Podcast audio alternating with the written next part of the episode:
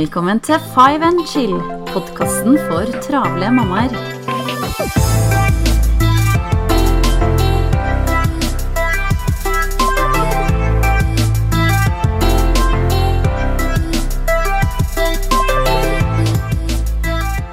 Hei, det Janne.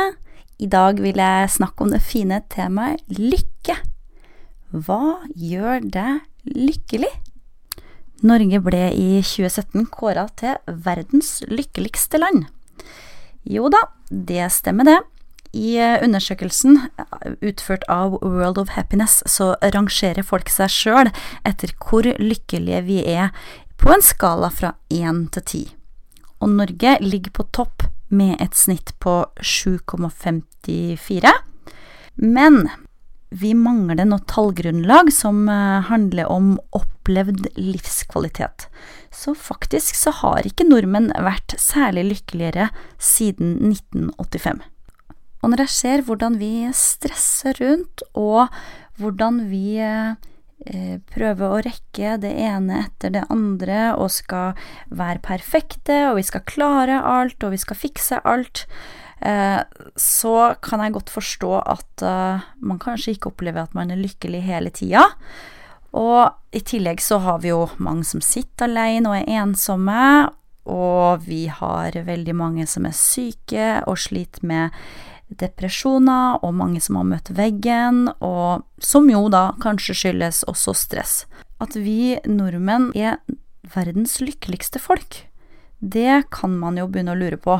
Om det faktisk er sånn, og jeg veit at det er ganske mange uh, utfordringer i resten av verden nå. Uh, men hvis man reiser rundt, uh, f.eks. til steder som Cuba, Hellas, Thailand osv., så, videre, så får man jo et inntrykk av at mennesker der er mye lykkeligere enn oss nordmenn. Jeg sier ikke at de er det, men de går ofte rundt og smiler og er veldig imøtekommende, de er hjelpsomme og de er glade. Hva er det som gjør at folk på Cuba eller i andre fattige land allikevel virker lykkeligere enn oss nordmenn som bor i et av verdens rikeste land?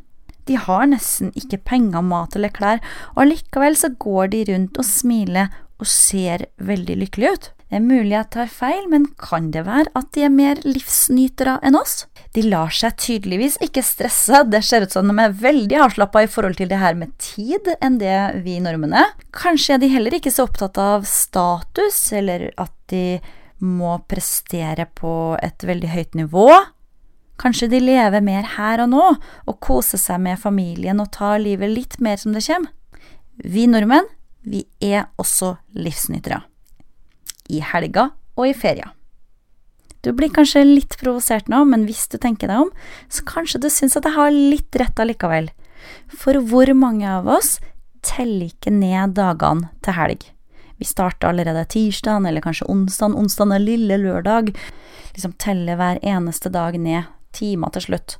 Og fredagen, og nå er det like før vi slutter på jobb, og endelig kan vi ta helg eller fra ferie til ferie.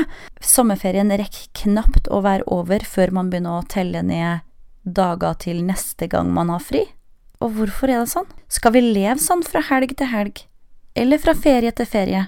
Det er hverdager vi har flest av, og de skal vi stresse oss gjennom uten å nyte dem. Er det det beste måten å leve livet sitt på? Er det da vi kjenner at vi virkelig lever og nyter det gode livet faktisk har å by på? Hvis vi tenker på hva lykke er Lykke oppleves veldig forskjellig fra person til person. Hva som gjør meg lykkelig, trenger ikke nødvendigvis å gjøre deg lykkelig. Noen ganger er det store ting som gjør deg lykkelig, andre ganger er det små ting. Til meg så kan det være for eksempel lukten av sjø eller skog, lukten av sommer rett etter et regnskyll. Veldig mye lukt til meg, jeg har veldig sterk luktesans, så jeg får veldig mange gode minner og opplevelser gjennom lukt. Men gleden over en barnetegning, som jeg vet at ungene mine har brukt veldig lang tid på å lage til meg, takknemligheten over å kjenne hvor heldig jeg er som har så mange fine mennesker i livet mitt, å stoppe opp og kjenne på lykkefølelsen gjennom dagen, løfte energien vår. Og setter vi pris på hverdagen og alt det gode som den faktisk består av, og kose oss og nyte mer, stoppe opp og kjenne på det, Da kan vi kanskje òg komme oss gjennom uka på en mye bedre måte. Så tenk etter nå. Hva er det i hverdagen din som gjør deg lykkelig?